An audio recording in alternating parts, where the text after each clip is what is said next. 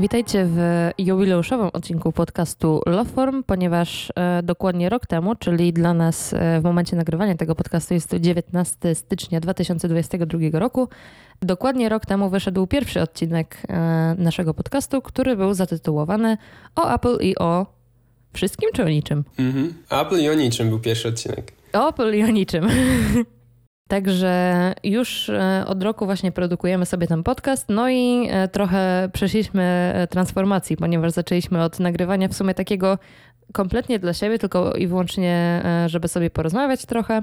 No i też, żeby powiedzmy jakieś tam nowe umiejętności zdobyć, czyli tutaj w tym przypadku Piotrek, który jest naszym edytorem tego podcastu i wszystkie te nasze rozmowy, co tam te dwa tygodnie, czy co ile tam nagrywamy, skleja. Kiedyś co tydzień. Kiedyś co tydzień, tak. W poprzednim sezonie nam troszeczkę le lepiej szło z tym, e, z tą częstotliwością. W tym sezonie troszeczkę jesteśmy bardziej... E, quality over quantity. Tak, właśnie, quality ale tak, nasz sprzęt przeszedł transformację, u Piotrka to 20 chyba różnych transformacji. Ja w tym momencie e, po roku nagrywania na telefonie jestem pierwszy raz na e, mikrofonie, także w końcu nie muszę się chować pod kocykami, żeby ten dźwięk u mnie jakkolwiek brzmiał, tylko jestem normalnie przy biurku, siedzę sobie wygodnie, nie, jest, nie jestem jakoś skulona, także um, kupiłam sobie z polecenia Piotrka e, mikrofon Shure MV7. O, słuchałaś jego recenzji? Oczywiście. także, także go kupiłam. E, chociażby z tego względu, żeby nagrywać na iPadzie, tylko niestety wychodzi na to, że ten mikrofon z iPadem nie do końca jest kompatybilny. E, sam Shure w ogóle wprowadził w e, swoim oprogramowaniu bugi, które ułatwiają jakby zaczęcie pracy z tym mikrofonem na iPadzie, no ale jednak ja trafiłam na trochę pechowy, pechową sytuację, bo po prostu u mnie cokolwiek bym nie robiła, nie działa. U Piotrka, Piotrek tylko podłącza pyk, super wszystko, a no u mnie niestety... No niestety nie, także... Mówimy o aplikacji Ferrite, ale w sumie Ania miała problemy też w każdej innej. Tak, dlatego e, siedzę teraz przy komputerze na otwartej przestrzeni, także zobaczymy, jak to będzie brzmiało. Do tej pory, jak robiłam testy, to wszystko brzmiało super. Tuż przed nagrywaniem tego odcinku, e, tego odcinka Kajto mm, puścił tam e, w tle e, ten pierwszy odcinek i jak siebie tam usłyszałam, to hu, nie było fajnie, także w końcu dobry mikrofon.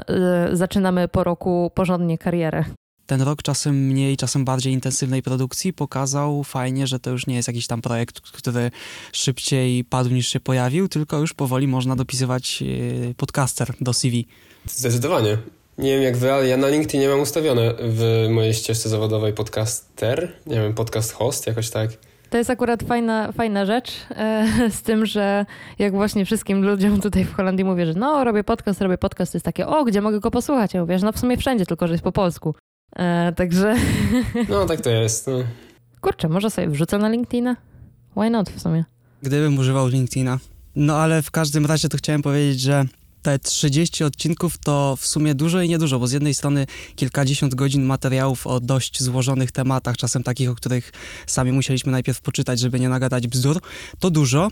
I kiedyś yy, Kajetan chyba po- wspomniał, że połowa podcastów kończy się w rejonach trzeciego odcinka, więc ten punkt niewypalonego pomysłu mamy już daleko za nami, ale z drugiej strony od kilkunastu chyba odcinków jak już widziałem, że raczej się to trochę utrzymuje i jeszcze na pewno parę tych odcinków wyjdzie, to ustaliłem sobie taką granicę, po której, którą przekraczając, cokolwiek dalej się nie stanie, to będę to uważał za całkowicie niezaprzeczalnie udany projekt i to jest 50 odcinków, więc w zasadzie jesteśmy bliżej niż dalej, a tematów na razie chyba nie brakuje, więc jest na to duża szansa.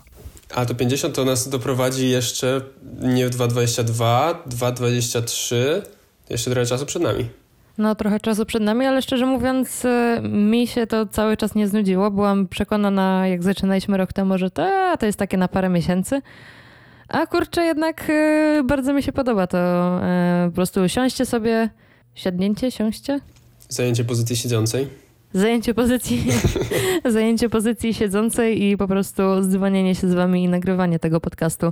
Pomimo tego, że siedzimy w trzech kompletnie innych miejscach, to E, jesteśmy w stanie faktycznie od, od roku nagrywać i nawet mieć jakichś słuchaczy stałych w miarę.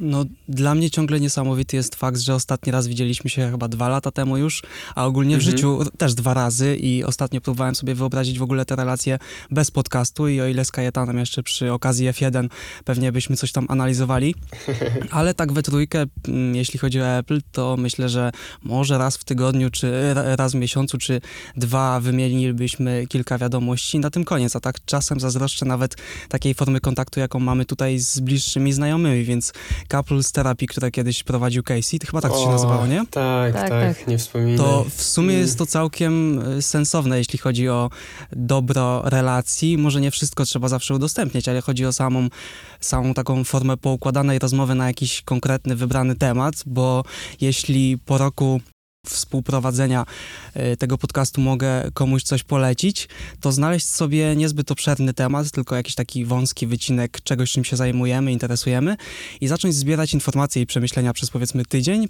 potem zebrać to w całość, z której coś z czegoś wynika, na końcu ułożyć wnioski i tak powstaje przynajmniej mój plan odcinka, po którym czuję, że naprawdę czegoś się dowiedziałem na dany temat, a nie wydaje mi się ogólnie, że może coś tam wiem, więc fajna y, jest potem ta weryfikacja, rozmawiając tutaj we trójkę z osobami, które też się przygotowywały. I co ciekawe właśnie, my nie ustalamy przed odcinkiem tego, kto jaki jaką część tematu będzie się zajmował, tylko zupełnie każdy czyta sobie o danym temacie we własnym zakresie i zawsze każdy zwraca uwagę na coś innego. To jest właśnie bardzo ciekawa w ogóle forma znajomości, bo de facto jakby ze swoim bliskim znajomym nigdy się nie usiądzie na godzinę, żeby porozmawiać. Akurat teraz gadamy na ten konkretny temat.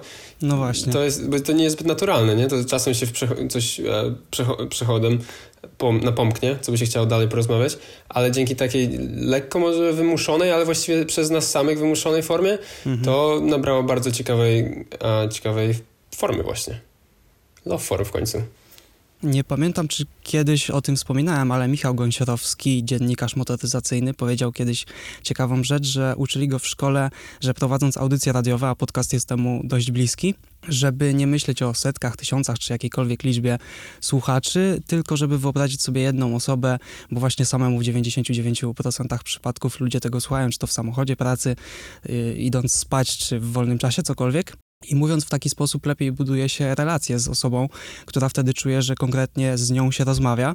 Jednym z moich ulubionych naszych odcinków, czego warto, dlaczego warto tworzyć, mówiliśmy, że umiejętności, które się zdobywa robiąc coś kreatywnego, można potem przełożyć gdzieś indziej. I właśnie takie składne, płynne zbieranie myśli, którego cały czas się tu uczę i wychodzi czasem lepiej, a czasem gorzej, będzie dla mnie wiele więcej warte niż jakaś określona ilość pobrań. I podtrzymuję to, co wtedy mówiłem, że po odejściu, w cudzysłowie odejściu z social mediów, mam niechęć wręcz do gromadzenia społeczności, dlatego cały czas wykorzystuję ten format między innymi do nauki i do utrzymywania właśnie fajnej relacji.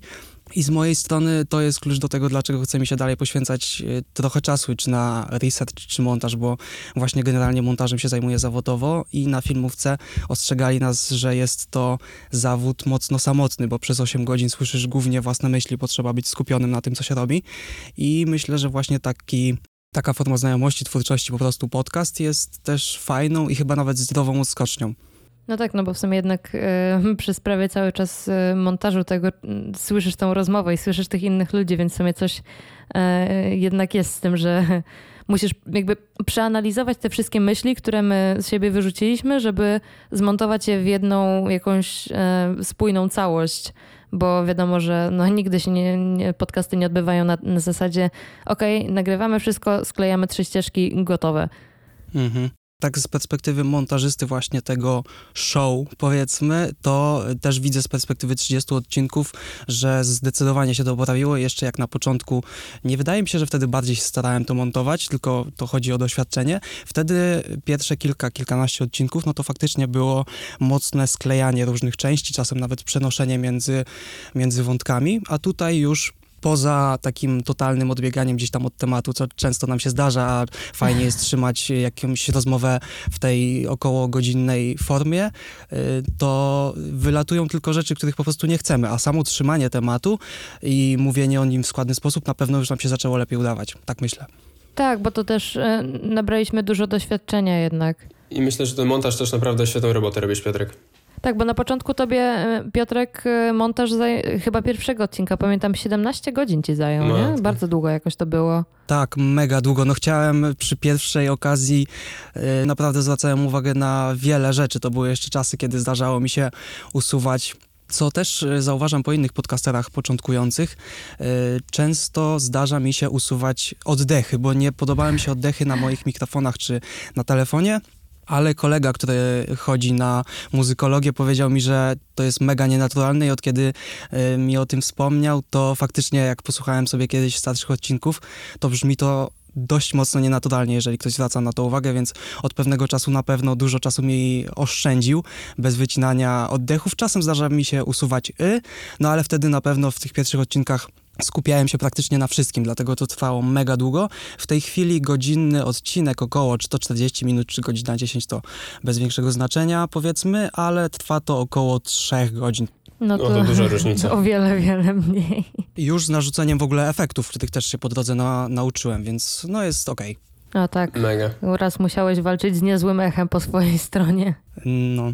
I jeszcze jedna rzecz, którą tutaj mam zapisaną, której nauczyłem się dzięki y, temu podcastowi, ale też dzięki studiom, na którym jestem, na którym jestem, o których kiedyś trochę więcej poopowiadam, uświadomiłem sobie, że przekroczyłem ten próg, kiedy po kilku latach bardziej intensywnego interesowania się technologią i konfrontacji z osobami, które naprawdę się na tym znają, jestem na etapie, gdzie widzę o jak dużej ilości rzeczy jeszcze nie mam pojęcia, a się o tym wypowiadam i analizując wielu twórców, których gdzieś tam śledzę, po jakimś czasie doszedłem do wniosku, że dobry twórca to nie taki, który wie wszystko o tym, co mówi, tylko odwrotnie, w angażujący, fajny sposób mówi wszystko o tym, co po prostu aktualnie wie. I to rozwiązało moje wątpliwości, czy warto tworzyć jeśli nie jestem specjalistą w jakiejś y, dziedzinie, z którą startuję, bo na przykład po każdym keynocie Apple oglądam kilkanaście, co najmniej, lekko licząc, podsumowań od ludzi, którzy na ogół mówią bardzo podobne rzeczy, ale przychodzę do nich po pierwsze dlatego, że fajnie się ich słucha, a po drugie, dlatego, że zawsze jest szansa, że usłyszę jakieś jedno magiczne zdanie, które zmieni mój punkt widzenia i na przykład sprawi, że, nie wiem, przetestuję nowe urządzenie albo zmienię sposób, w jaki korzystam z obecnego. A takie hasła, które potrafią coś zmienić w myśleniu, nastawieniu i tak dalej, y, padają i od ludzi z 20-letnim doświadczeniem w branży, i od 20-letnich amatorów.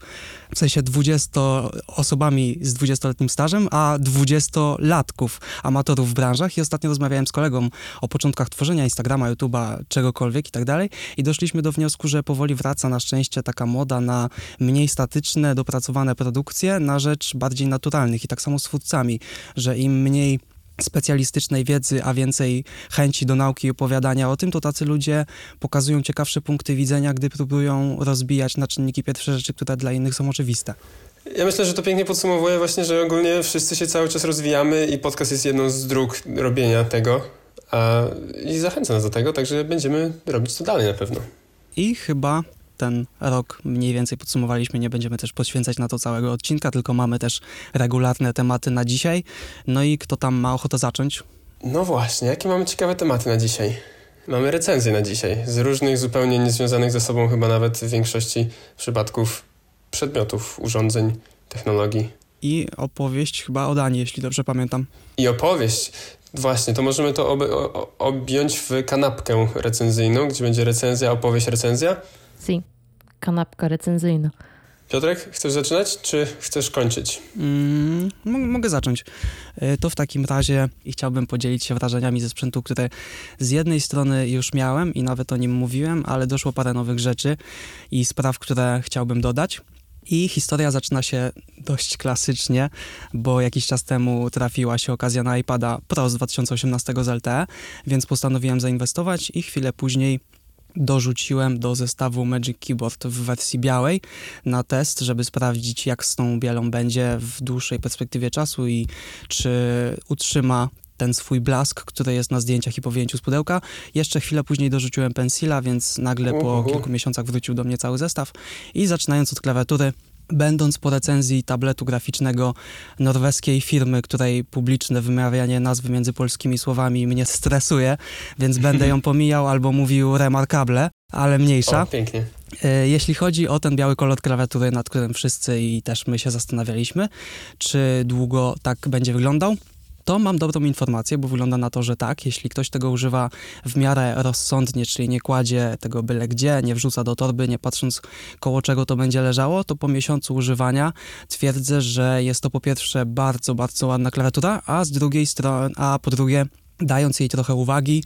E, nie chodzi o mycie jej, czy, czy czyszczenie nawet po prostu suchą szmatką. Zupełnie nie, nie dbanie tak środkami jakimiś o wygląd, tylko po prostu dbanie o nią, jeśli chodzi o korzystanie samo, to y, zostaje taka sama. Nie widzę na niej żadnych w zagłębieniach czy rogach, nie mam ponad programowych ilości kurzu, rys, także fantastycznie, jeżeli chodzi o to. Byłem zdziwiony.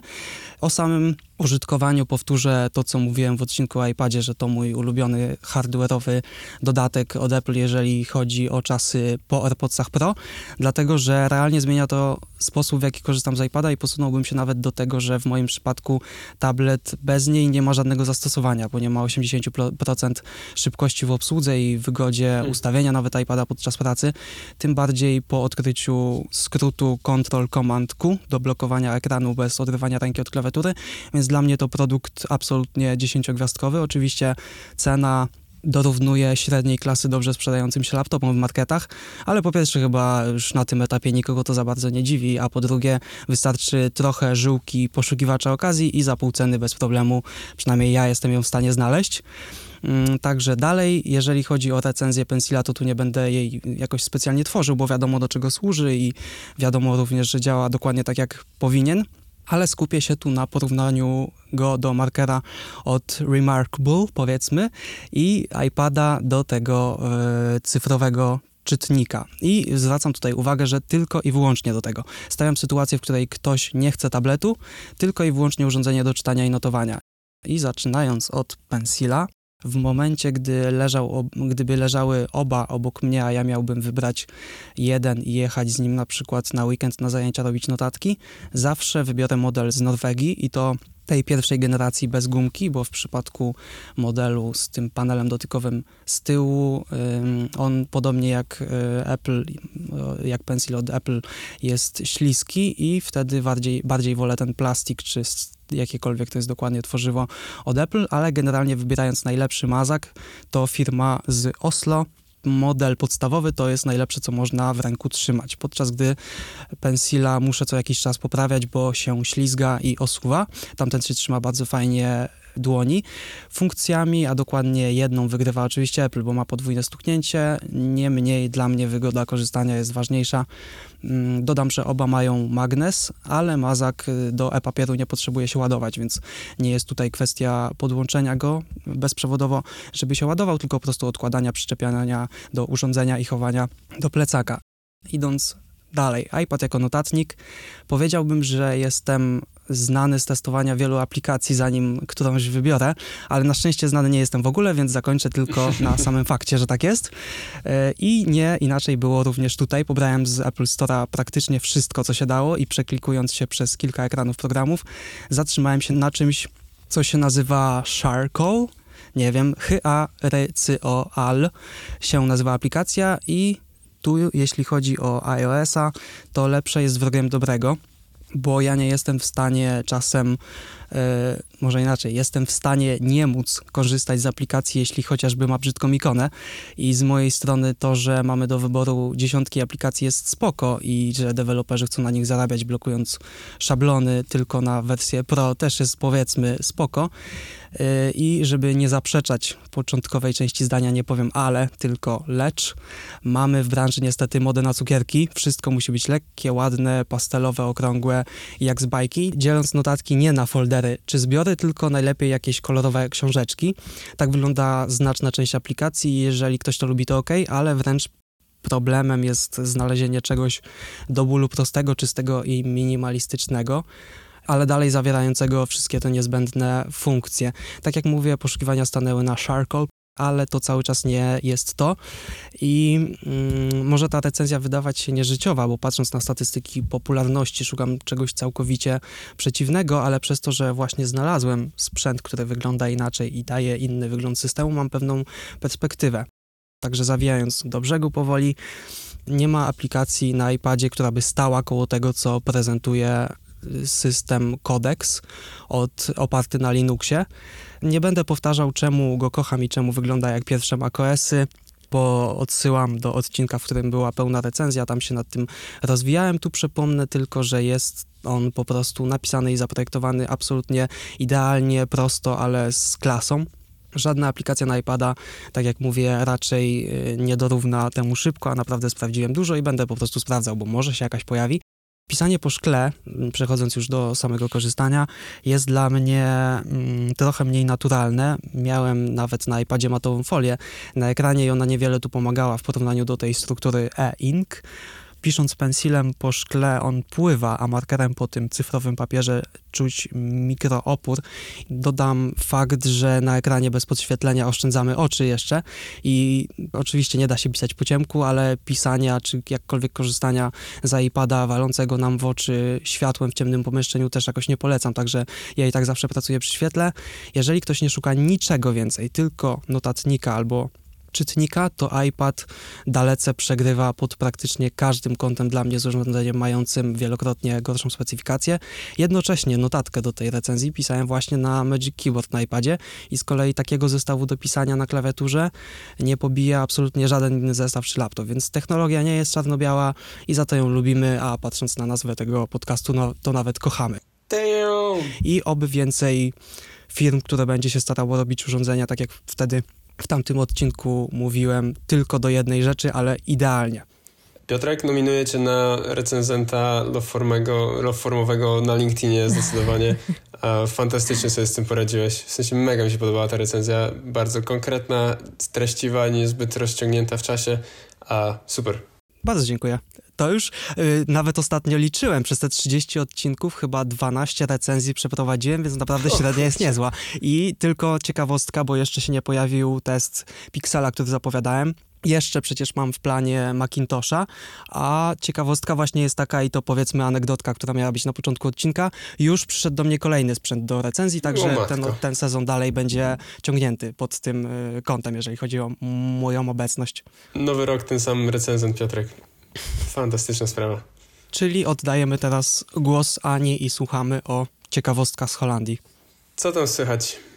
No dobra, to teraz, e, tak jak już Piotrek zapowiedział, ciekawostki z Holandii, a konkretnie z firmy, która zrodziła się z VR-u, a teraz tak na dobrą sprawę przeszła kompletnie w motion capture. No i metaverse te sprawy, tak wiadomo, ale generalnie chciałabym po e, powiedzieć o tym jakby, bo my jesteśmy firmą, która pro e, produkuje hardware.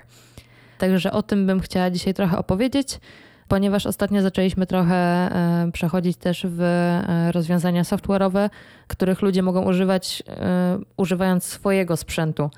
Generalnie firma została założona relatywnie niedawno, ponieważ było to w 2014 roku, także w tym roku będzie, będą ósme urodziny tej firmy.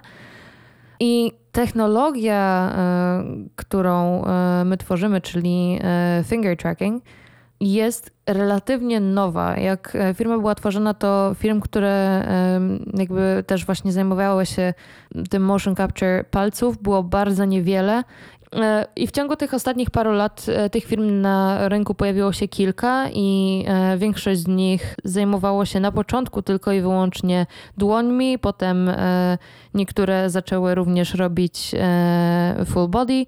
No i my jesteśmy właśnie jedną z tych firm, która zaczęła z rękawicami do VR-u, a w sumie teraz produkuje rzeczy, którymi można tak na dobrą sprawę zrobić cały film, ponieważ jeżeli ktoś ma jakieś tam white trackery, które sobie leżą i dostęp do Unreal Engine, który jest tak na dobrą sprawę za darmo, to można tak na dobrą sprawę stworzyć całe animacje.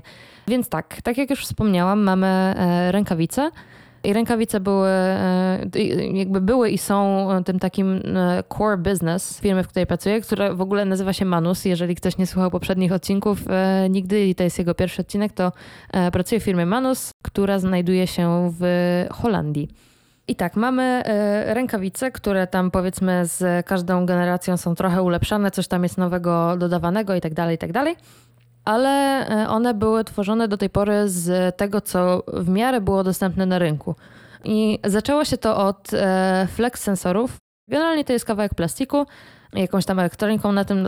Dokładnie niestety nie wiem, jak to działa, bo jest to coś, czego jakby nie, nie do końca udostępniamy, jest to tylko i wyłącznie dostępne w patentach. W każdym razie e, flex sensor e, reaguje na zgięcie stawów w palcach, stawów. Czyli mamy, e, mamy kostki w palcach i to jest mierzone, a potem następny, następny staw, który jest mierzony, to jest ostatni, który jest mierzony i wtedy na podstawie tych dwóch pomiarów jest wizualizowana cała ręka i to, jak się palce poruszają.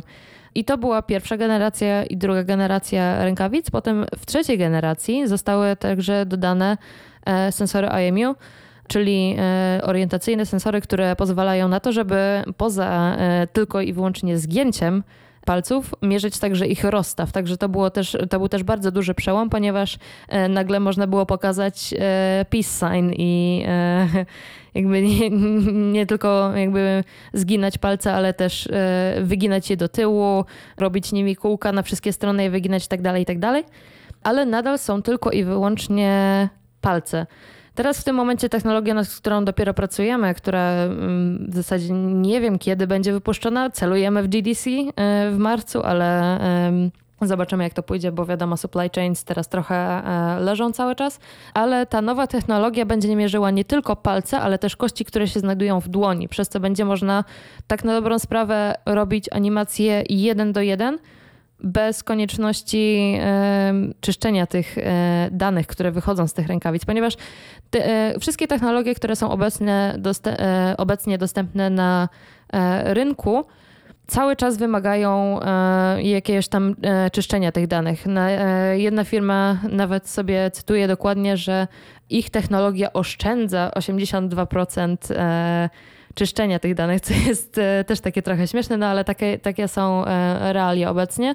E, my celujemy w to, żeby w ogóle tego nie było. Zobaczymy, jak to wyjdzie. Na razie wygląda bardzo e, obiecująco, także jestem w ogóle mega podekscytowana, ponieważ e, ja jako content creator w tej firmie mam okazję w ogóle jakby właśnie używać tych rękawic, co jest właśnie główną przyczyną, dlaczego znalazłam się w ogóle w tej firmie, ponieważ jak przyjechałam do Holandii w zeszłym roku, w zasadzie już teraz patrząc na tę datę 2022 no, to dwa lata temu, miałam kompletnie jakby inny plan na, na życie tutaj. On e, nie wypalił, także zaczęłam szukać pracy. No i na początku byłam bardzo zdeprymowana tym, że jakiekolwiek ogłoszenie o pracy, na które nie patrzyłam, mówiło, że jest wymagany płynny holenderski. No a jako, że ten wyjazd do Holandii to był, e, było coś, co wyszło dosłownie pół roku wcześniej, no to po holendersku wiadomo nie mówiłam.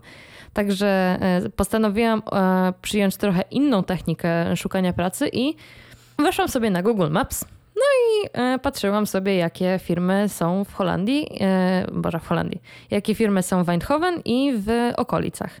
Każdą tą firmę sobie tam po kolei klikałam, wchodziłam na ich stronę, patrzyłam czym się zajmują, czy mają jakieś wolne miejsce pracy itd., tak itd.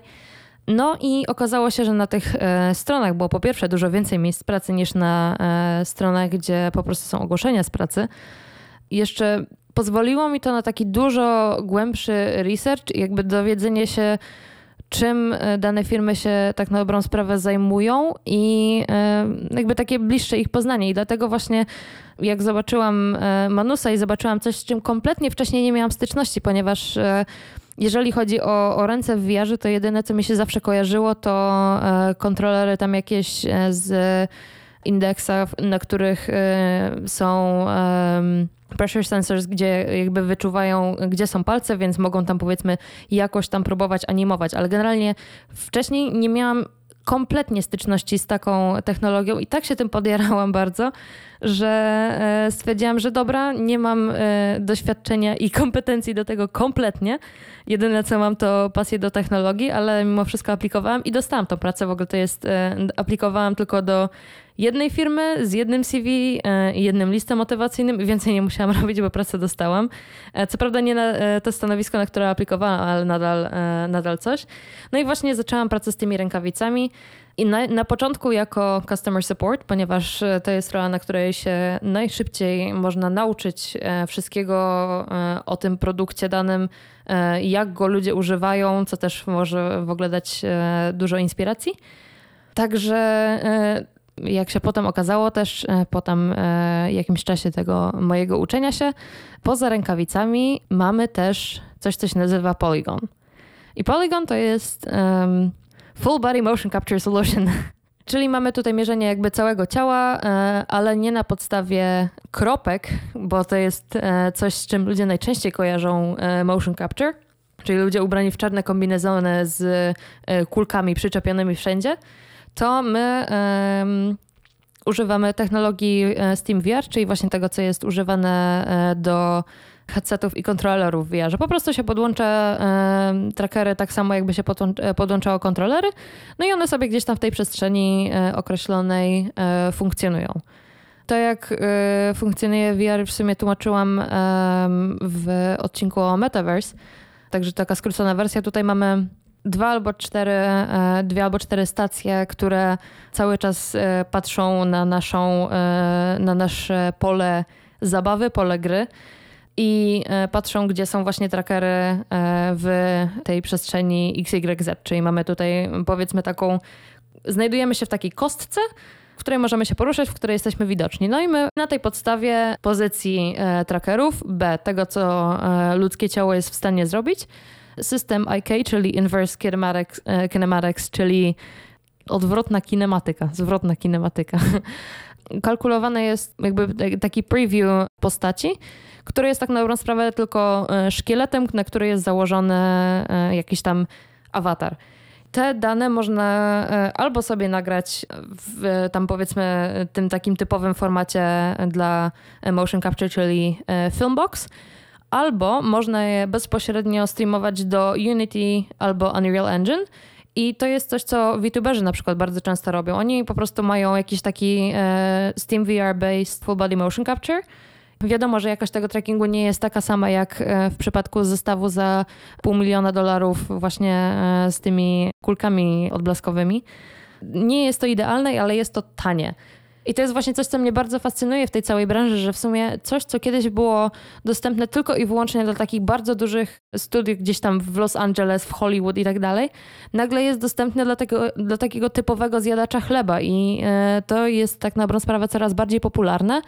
Myślę, że niedługo właśnie to, to jest ten moment, w którym ten metavers naprawdę zaczyna mieć sens, ponieważ jest już na tyle dużo tanich lub zupełnie darmowych, ponieważ Polygon jest darmową, e, jakby darmowym tutaj naszym produktem to można po prostu tworzyć wszystko i e, VTuberzy bardzo, bardzo lubią z tego korzystać. Oni tam jakieś swoje domowo zrobione rozwiązania na e, tracking dłoni, w sensie palców też mają, także jakoś sobie to tam łączą.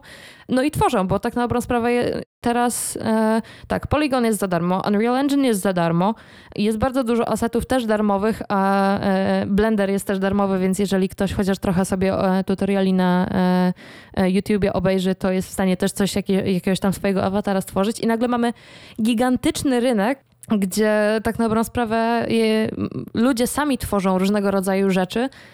No, jest to po prostu niesamowity boost dla e, kreatywności, które gdzieś tam cały czas się gotuje w tym naszym społeczeństwie, ale ludzie nie do końca wiedzą, gdzie i jak ją przelać. Wiadomo, że jest e, trochę takich VTuberów, e, powiedzmy, jak Logan Paul, w sensie Logan Paul jest tutaj jakby przy, przykładem charakteru i stylu nagrywania.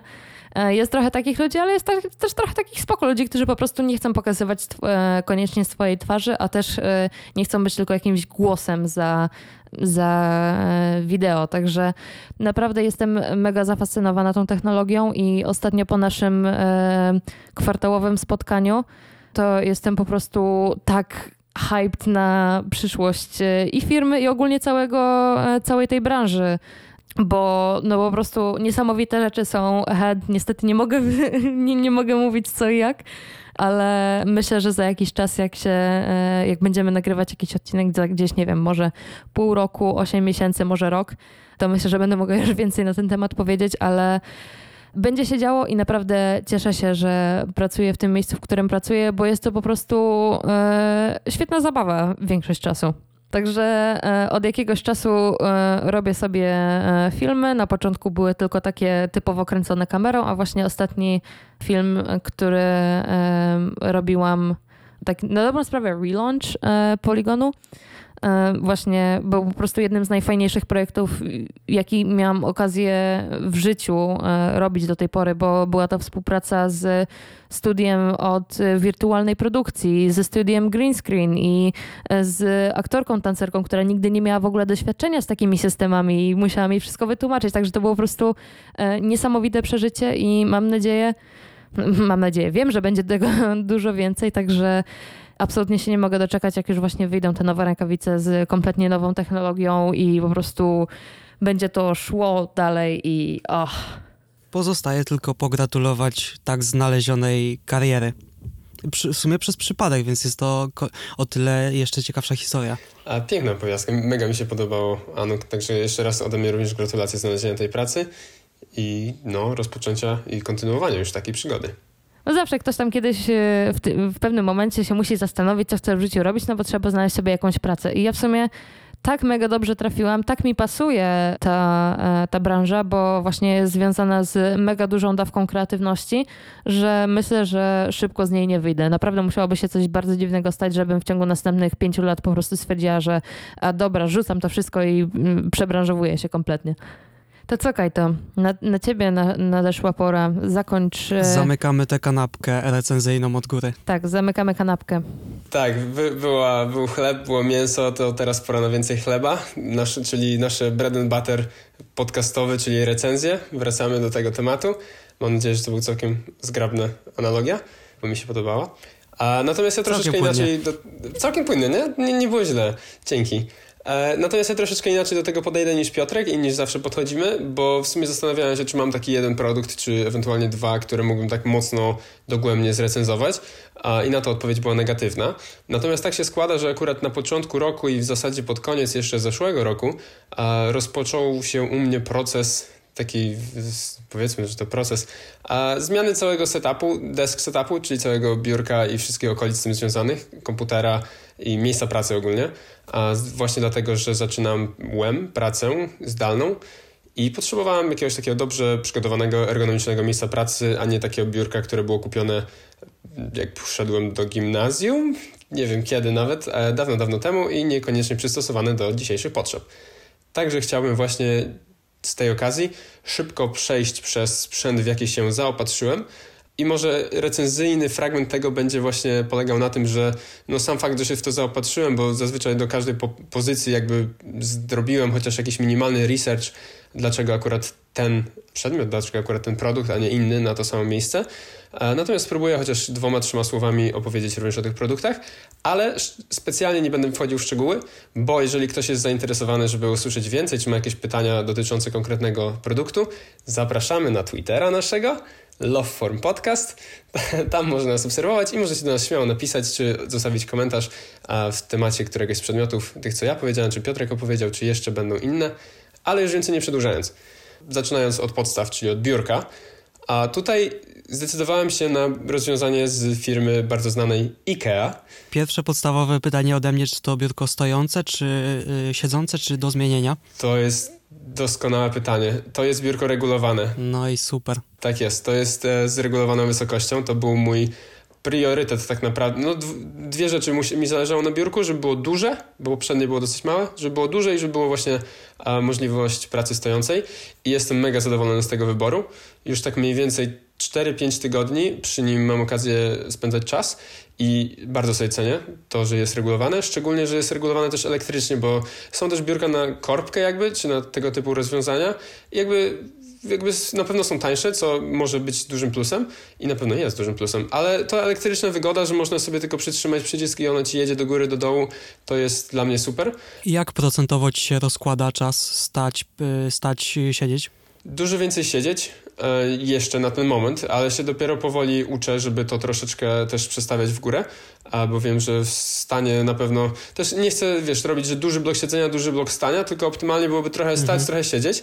Jeszcze do końca tego nie umiem, ale wiem, po prostu jakby z przyzwyczajenia człowiek siedzi. Natomiast wiem, że to jest zdrowe, żeby wstać, zmienić pozycję, więc to będę starał się robić. Co jest ciekawe, jeszcze przy biurku takim właśnie regulowanej wysokości, to należy pamiętać, że nie trzeba się przywiązywać tylko do pozycji siedzącej, tylko do pozycji stojącej, ale również wszystko pomiędzy jest dostępne. Także e, na przykład jak chciałem, żeby monitory były na troszkę większej wysokości, żeby były bardziej na linii wzroku, to po prostu podwyższyłem sobie to 10 cm i super sprawa. Mniej wygodne do pisania, ale bardziej wygodne do oglądania czy czytania na przykład. E, dobrze, ale jeszcze wracając do konkretów. Jest to biurko od IKEA, e, model Rodulf. Konkretne rozmiary to 140 na 80 cm, a pozycja stojąca jest bodajże od 70, e, pozycja siedząca jest od około 70 cm, czy nawet 65 do 100 kilkunastu mi się wydaje. Ja jako człowiek 185 cm wzrostu nie wykorzystuję żadnego z tych dwóch granicznych wartości, tylko ma, mam zapisaną wysokość kilka czy kilkanaście centymetrów od każdej z tych granicznych, więc sobie to chwalę. No wiadomo, takie biurko jest troszkę droższe niż zwykłe biurko. Ja konkretnie kupiłem je za 1200 zł. Co ciekawe, kupiłem je w grudniu za 1200 zł, a przygotowując się do tego odcinka i sprawdzając obecną cenę, to już jest 1500 zł więc czuję się, że skorzystałem na promocji, która nie była promocją wówczas, mhm. ale ceny idą w górę, także 1500 zł obecnie jest na stronie IKEA do kupienia takie biurko. No i zachwalam sobie. Blat jest całkiem konkretny, a tak 2,5 około centymetrów ma, jest, no nie z drewna, z jakiejś sklejki czy coś, ale jak najbardziej w zupełności daje radę. Ja kupiłem model szary, bardzo w porządku. I no, tak jak mówię, regulacja wysokości jest elektryczna, więc to jest super. Nie ma takich guziczków, jak są na droższych modelach, że 1, 2, 3, 4 są miejsca zapamiętane, natomiast można zrobić tak, że po prostu jakby nie będzie jechał wyżej niż zapamiętana pozycja górna i niżej niż zapamiętana pozycja dolna. Czyli trzymając po prostu jeden z przycisków docieramy do pozycji, którą sobie zapisaliśmy. I tu jest jeszcze można jedną rzecz dopowiem, bo tak jak z poprzednim biurkiem miałem gigantyczny problem z kablami za biurkiem, mając dwa monitory, komputer i jeszcze jakieś inne różne rzeczy. To był gigantyczny bałagan z tego. A i stwierdziłem i zdawałem sobie sprawę, że przy biurku z regulowaną wysokością to może być jeszcze trudniejsze, trudniejsze. Dlatego zapatrzyłem się w przedłużacz, który przykleiłem od dołu do biurka na e, taśmy takie TESA. Bardzo dobrze się sprawdzają przez, przez ostatni niecały no, około miesiąc. I taki przedłużacz jakby wszystko ma i wtedy tylko schodzi jeden kabel, a nie pięć w moim przypadku. I tak, także mam biurko, kupiłem na niego matę gigantyczną, metr na pół metra z Allegro za 40 zł, a czarną zwykłą i się wtedy biurko nie rysuje. Dobrze, chyba tyle o biurku wystarczy. I tak było dłużej niż myślałem. Myślę, że to jest najbardziej e, złożona recenzja biurka, jaką kiedykolwiek słyszałam w moim życiu. Także bardzo Też mnie tak teraz. Myślę. Tak sobie, słuchałam sobie tego, e, słuchałam sobie tej recenzji i sobie myślałam, kurczę, może, może sobie kupię takie biurko. A propos złożenia recenzji, y, y, co, co, powiedziałem? Złożenia recenzji, a propos recenzji złożonego biurka, to ja mogę tylko dodać od siebie, że posiadam dwa biurka z Ikei, które właśnie sam sobie złożyłem. Y, z kozłów, które kiedyś były, teraz już nie są dostępne. Tak. Z takiego blatu bambusowego, który też znalazłem poza Ikeą to wszystko kupuję, to już też nikogo nie dziwi pewnie, no, tylko swoimi metodami różnymi i złożyłem sobie jedno biurko właśnie do siedzenia i drugie też podstawa to jest taka szafka trzy szufladowa z Ikei, cztery z obi chyba, hacz, nie haczyki, tylko podstawki do ławy i jeszcze na to blat do pracy na stojąco, więc mam dwa, oba z Ikei, oba wyszły myślę, że w połowie ceny jednego takiego, co Kajetan powiedział, więc są różne metody. Są różne metody, to prawda. Ja nie wiem, Piotrek, kurczę, musimy się od ciebie uczyć. No, tak, tak to jest. Nie, też mnie nie dziwi, że Piotrek znalazł to samo za pół ceny i jeszcze lepsze pewnie. E, no, tak na tym podcaście jest. Znaczy, ja to w sumie e, akurat w Holandii jest bardzo łatwo kupić jakieś tam rzeczy, powiedzmy, z drugiej ręki, ponieważ e, tutaj pozbywanie się rzeczy jakby po prostu na śmietnik jest bardzo drogie. E, dlatego ludziom się po prostu bardziej opłaca albo nawet oddać za darmo, po prostu ktoś im tam da 5 e, euro do ręki, jakąś tam czekoladę, e, albo tam sprzedać po prostu właśnie, właśnie za jakieś śmieszne pieniądze, że można naprawdę fajne rzeczy kupić. Muszę tam pojechać na wakacje. Tylko ciężarówką najlepiej. można naprawdę genialne e, rzeczy kupić e, za jakieś śmieszne pieniądze. Jakby tutaj w tym momencie z całą taką pewnością e, mogę powiedzieć, że takie, no jak ktoś sobie mieszka w jakiejś kawalerce, która jest nieumeblowana, bo tutaj bardzo często też mieszkania są wynajmowane nieumeblowane, to meble do takiej kawalerki, można, że można się spokojnie zamknąć w, w 200 euro. A nie będą, nie, nie będą to jakieś rozpadające się rzeczy. Jak człowiek czy na Facebooku poszuka, czy właśnie do jakiegoś takiego dobrego lumpeksu pójdzie, ponieważ tutaj lumpeksy to nie są takie małe klitki po prostu z kilkoma wieszakami, tylko to są gigantyczne sklepy właśnie. Wyobraźcie sobie taką, nie wiem, piętrową biedronkę. To taka, e, takie, takiej wielkości tutaj są lumpeksy. Po prostu tutaj wszystko jest. E, są meble, są e, rzeczy takiego codziennego użytku, jakieś do kuchni, do łazienki i tak dalej. Można autentycznie sobie, wszystko sobie urządzić, tylko trzeba e, ten, może trochę zainwestować w odczyszczenie niektórych rzeczy, ale generalnie wszystko można e, na spokojnie kupić. Nie trzeba nigdzie do żadnej Ikei jeździć i wydawać 5, 6, 7 razy tyle, tak na dobrą sprawę. No to we wrześniu Grand Prix w weekend, a na tygodniu podróże po sklepach i po domach. to jest połączenie pasji dopiero. No dobrze, to co mamy dalej, Kajetan, po biurku? Tak, tak, idźmy dalej. Właśnie, co mamy po biurku, co mamy na biurku, to jest zasadnicze pytanie. A, a konkretnie chciałem powiedzieć teraz szybciutko o głośnikach, w jakie się zaopatrzyłem, bo stwierdziłem, że potrzebuję również nowego zestawu stereo, w moim przypadku 2.0 bez subwoofera, bo nie ma miejsca, a więc szukałem takiego i znalazłem w sumie, to była ciekawa podróż, bo szukałem, przede wszystkim zacząłem od wyszukiwania typu najlepsze głośniki 2.21, 2.22, bo takie zawsze są artykuły.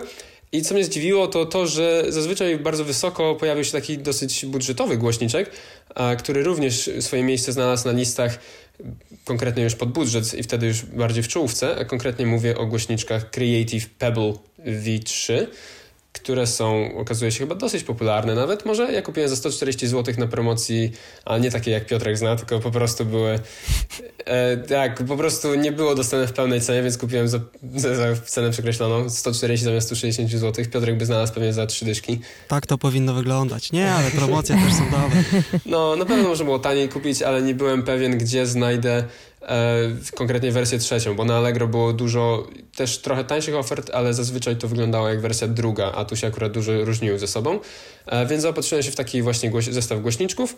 One są o tyle ciekawe, że mają trzy metody dostarczania im dźwięku, bo są to odpowiednio USB, USB-C dokładniej, które jakby działa najpierw jako przede wszystkim jako zasilanie, ale również jeżeli jest podłączone do komputera, to może przekazywać dźwięk, super.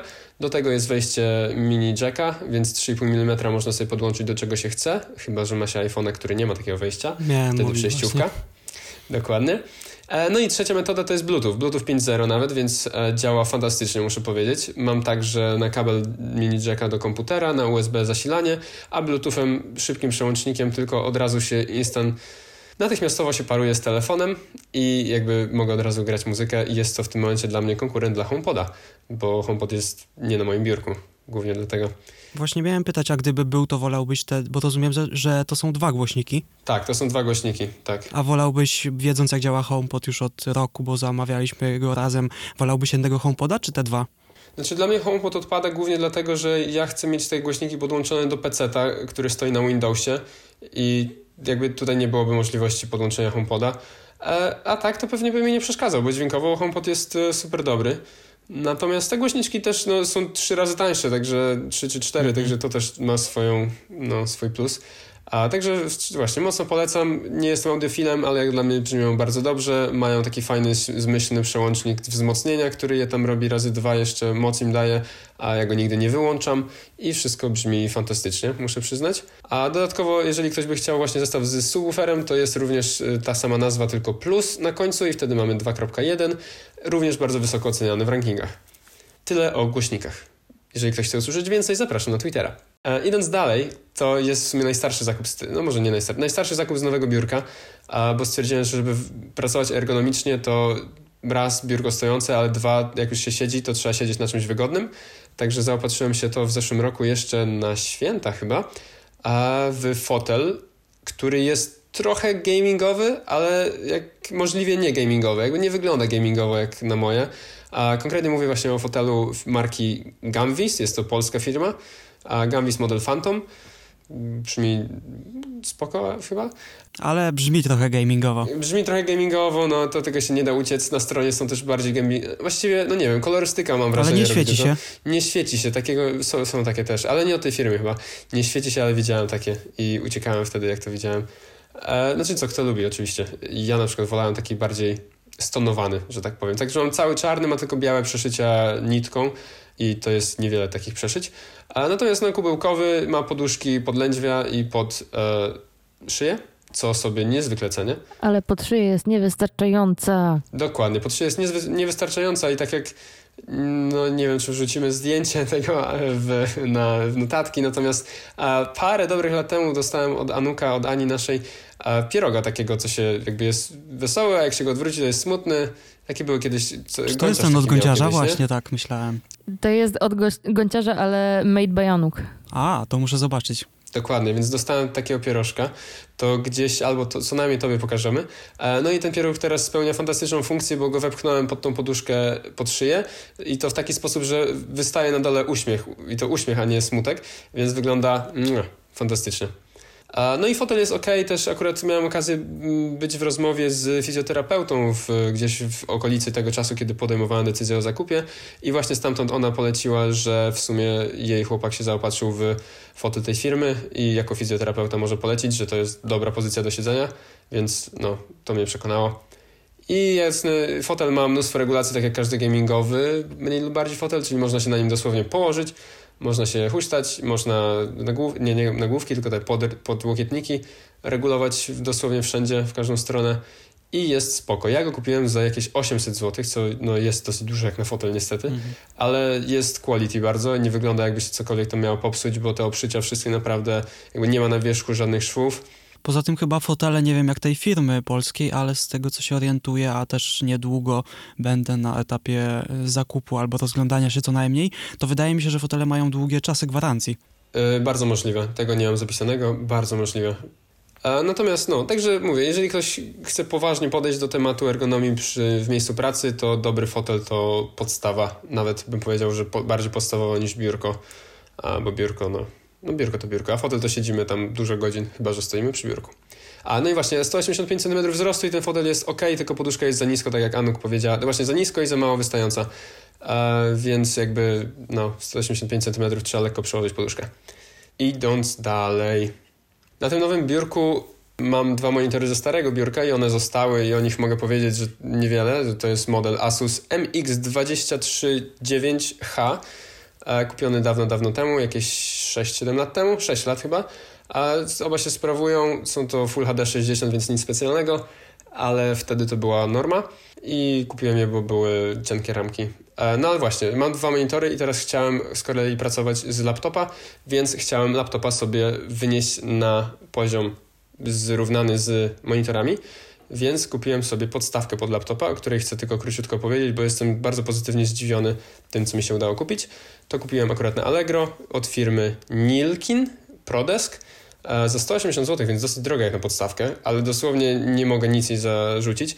Jest niesamowicie stabilna do tego stopnia, że żeby przestawić ją wyżej, niżej, a to trzeba użyć dużo siły, więc sama się nigdzie nie rusza. Podstawka jest jakby w kształcie takiego Z, czyli jest płaska podstawa, potem jest ukośne połączenie do tego, na czym leży laptop i wszędzie jakby wszystko, te, są, czyli są dwa miejsca de facto, które można dostosować pod kątem. A to jest jakaś uniwersaln, uniwersalna wielkość, czy to jest idealnie pod tam 13 czy 15 cali? Mhm. Oni to reklamują jako 13 do 17 cali. Ja używam 13 i jest minimalnie, dosłownie tak po pół centymetra mniejsze z każdej strony, więc wydaje się idealne na 13, ale jestem pewien, że pod względem ciężaru to w ogóle nie będzie problemu, bo dosłownie można się podeprzeć na tej podstawce i ona się wcale za bardzo nie ruszy w dół. No i rozmiarowo jest też ok z tyłu. Mój jakby, nie, mój jakby nie wystaje u góry, mój wystaje tylko po bokach, a do góry jeszcze ma zapas kilku centymetrów. Także w, polecam całkiem dobrze. Jest w dwóch kolorach, srebrna i grafitowa. Zamówiłem grafitową, dostałem srebrną. Zastanawiałem się, czy reklamować, ale w sumie pasuje dosyć dobrze pod kolor i biurka, i laptopa, który swoją drogą jest ciemny, w sensie ten Space Gray, ale pasuje, więc stwierdziłem, że nie będę wymieniał, bo już szkoda roboty, a wygląda dobrze. I to jest temat podstawki. Nie wiem, czy coś więcej o niej do powiedzieć. Będzie link na pewno do tej aukcji Allegro w opisie. Tak jak do wszystkiego z tego, co mówię, będą linki w notatkach. Znaczy aukcje Allegro to mogą być różne i przemijać, dlatego będziemy starali się po prostu jakieś strony z tymi produktami takie ogólne. Myślę, że to jest lepszy pomysł. Można tak zrobić. Natomiast to już podamy nazwę i podamy jakby nazwę modelu, więc w razie czego będzie możliwość znalezienia tego. E, Nilkin Prodesk. Dobra, dalej. Jak już, miałem jak już miałem całego laptopa położonego na podstawce, to naturalnie rzecz biorąc nie mogę wtedy korzystać z jego klawiatury i e, trackpada. Mogę, ale jakby to by było dosyć przeciwieństwem ergonomicznego w tym momencie. Więc zaopatrzyłem się w jeszcze dwa ciekawe przedmioty i tutaj poszedłem totalnie jako Apple fanboy, bo zaopatrzyłem się w klawiaturę Magic Mouse. E, tak, teraz to powiedziałem. W klawiaturę Magic Keyboard oczywiście i w gładzik Magic Trackpad. Rozważałeś procentem, nie wiem, ułamka głowy, żeby wziąć Magic Mouse'a, czy bo znam ludzi, nie, którzy nienawidzą absolutnie. tego produktu, a niektórzy absolutnie go kochają. Ja nie jestem fanem absolutnie i też bym nawet nie myślał o tym, tylko gładzik jest super. Nie, z myszki to ja mogę polecić. Nie używam w ogóle do, laptop, do laptopa, nie używam myszki. Myszki używam do PC-ta, bo jakby jestem zakochany w trackpadzie MacBookowym i te gesty, które tam są dostępne, to po prostu jest dla mnie e, miód, cytryna, coś tam. A dlatego wiedziałem, że chcę mieć gładzik, bo żeby móc korzystać dalej z tych gestów, więc no to była jedna opcja, żeby go, gładzik od Apple kupić. 650 zł niestety trzeba było na niego wydać, także troszkę kosztuje, ale jest świetny, bo jest nawet nieco większy niż gładzik wbudowany w 13-calowego MacBooka, także no super miejsce do pracy. E, jeżeli chodzi o myszkę, którą jeszcze poruszyłeś, to ja używam konkretnie Logitech MX Master, bardzo popularna z tego co wiem. Przy czym miałem model zerowy, taki sprzed 6 lat, tak jak monitory kupiony za 400 zł 600 lat temu, teraz nowe modele są droższe jeszcze od tego. Mój przez 6 lat działa i bardzo polecam, nie dość, że ładnie wygląda, to przede wszystkim wygodnie się je używa i ma dużo funkcjonalności, bo pod kciukiem też jest scroll wheel poziomy i przyciski back and forward, więc to jest super a oprócz tego jeszcze pod kciukiem na dole jakby się przytrzymało na dół, to można mieć jeszcze tam programowalny przycisk, który jest jedyną rzeczą, która się przez te 6 lat popsuła i teraz nie za bardzo działa. W sensie działa, ale jak się go naciśnie, to on się sam nie odciska, więc a lepiej go nie, nie, nie używać. A służy na przykład do przejścia do pulpitu, więc był całkiem przydatny jak działał na Windowsie, ale przestał działać po jakichś 4-5 latach mam wrażenie. Ale da się żyć bez tego. To jest myszka i wracając do tej klawiatury, którą kupiłem, to było Magic Keyboard model z Touch ID i polem numerycznym. Pole numeryczne potrzebuję koniecznie do no, życia, głównie do pracy, ale też życie jest spoko w tym. I tak, biały model, bo chciałem, tak sobie myślałem, że fajnie byłoby te czarne kupić, które są od iPad, oj, iMaców Pro, ale są totalnie niedostępne więc to był duży problem. Mm, Zarówno no, trafiają się. iPad Pro. No tak, okej, okay, Piotrek by znalazł, Piotrek by znalazł. A ja jakby nie za bardzo mogłem Znaczy mogłem czekać, ale nie chciałem czekać. Mogłeś po prostu napisać do mnie. Też prawda. Jeszcze taniej by było i byłoby czarne. Ale w sumie mi to białe całkiem odpowiada, bo mam białe dwie rzeczy do Maca w tym momencie i czarne dwie rzeczy do Windowsa, więc jest to jakiś podział. A klawiatura jak klawiatura jest bardzo spoko, ma większy skok niż ta klawiatura wbudowana w Maca z 2018 roku, MacBooka 13 cali Pro, więc to jest spoko, nie ma podświetlenia, co jest nieco smutne może, e, na pewno jest smutne. Natomiast ma Touch ID, które, co jest znowu smutne, nie działa z moim Maciem, bo potrzebne są procesory um. M1. Tak, czego w sumie nie wiedziałem przed zakupem, ale i tak nie żałuję, bo będzie przynajmniej future-proof ta klawiatura, a, więc to jest spoko. To co ciekawe, podłączyłem ją również do iPhone'a w pewnym momencie, bo można.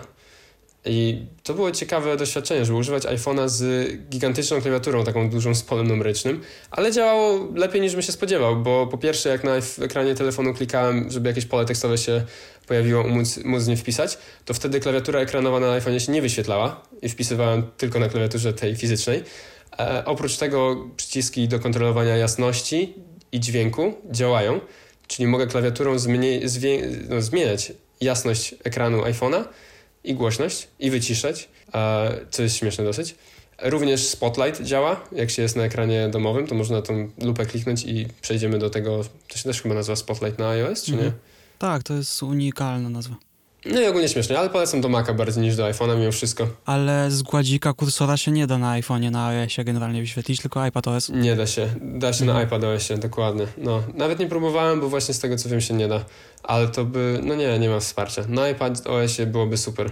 E, szczególnie, że gdyby się miało dwa sprzęty na przykład obok siebie, to to, co oni pokazywali na ostatniej konferencji, że można tym samym gładzikiem bez czegokolwiek robienia przejechać z jednego ekranu na drugi ekran, no nie mam jak sprawdzić, mimo że mam gładzik, to nie mam iPada ani iMac'a.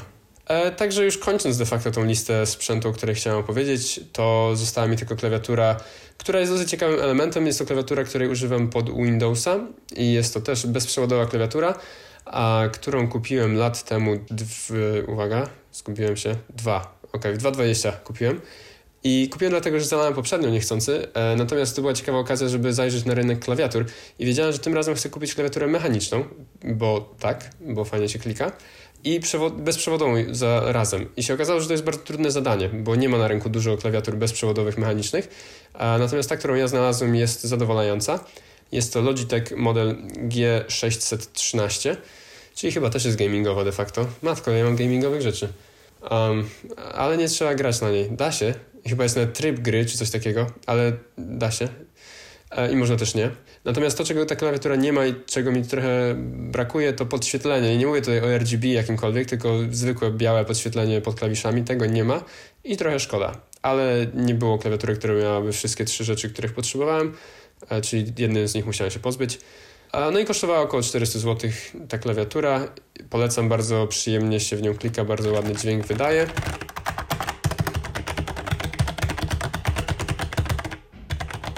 Ale nie jesteś jeszcze na, na tym etapie takim fanem tych klawiatur, że na y, bazę 400, a na zestaw klawiszy 1500? Nie, nie, nie, nie. Wiem, że można w ogóle, jakby się chciało, to w świat klawiatur można by wejść tak głęboko, że to ciężko byłoby z niego wyjść, bo to, tak, tak. to można kupować no, osobne klawisze niemalże, tylko i wyłącznie. Mhm. A no nie, ja mam, te moje klawisze chyba się nie, nie usuwają.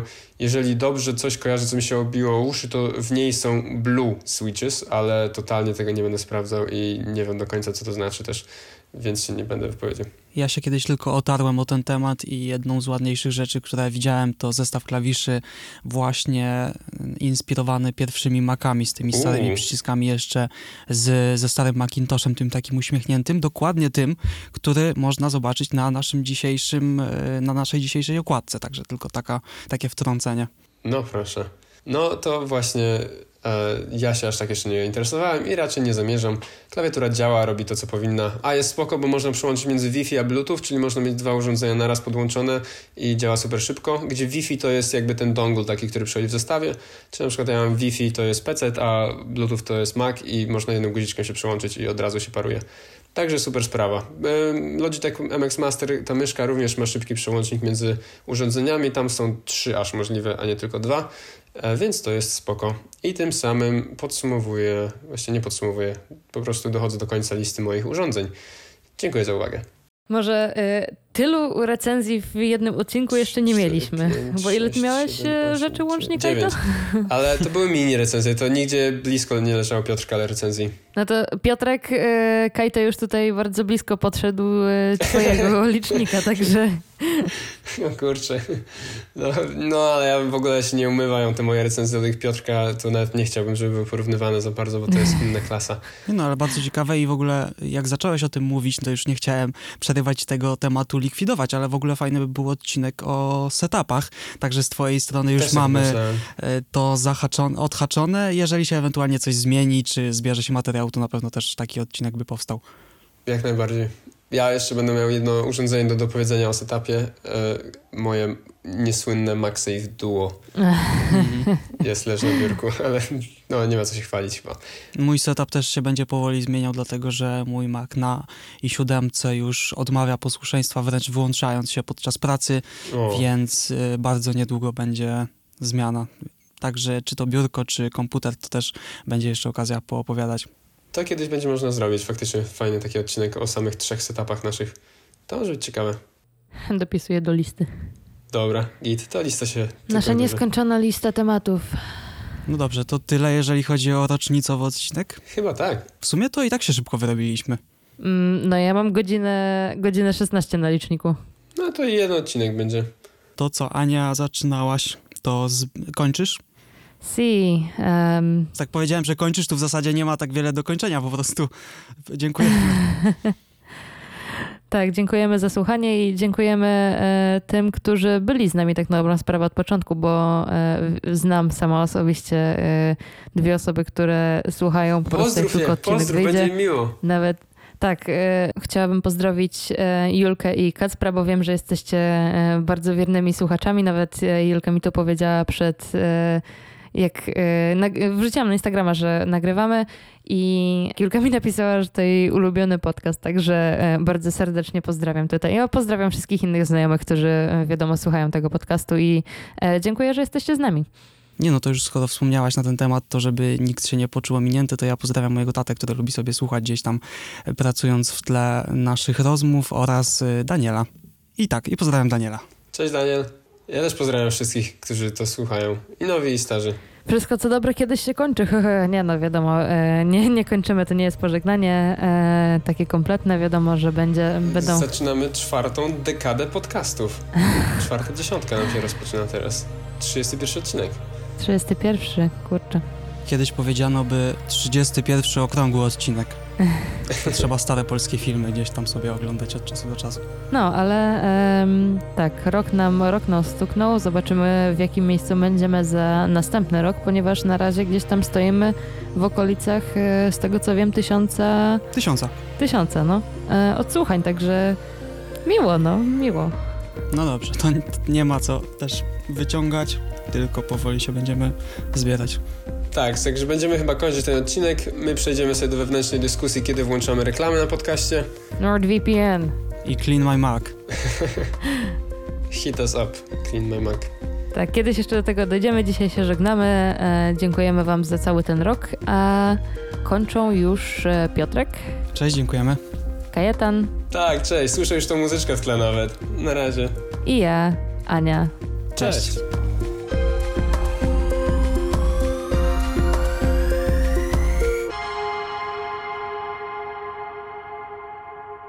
uczczenia rocznicy powstania naszego przedsiębiorstwa. 31 rocznicy. Tak jest! 31. okrągłej rocznicy.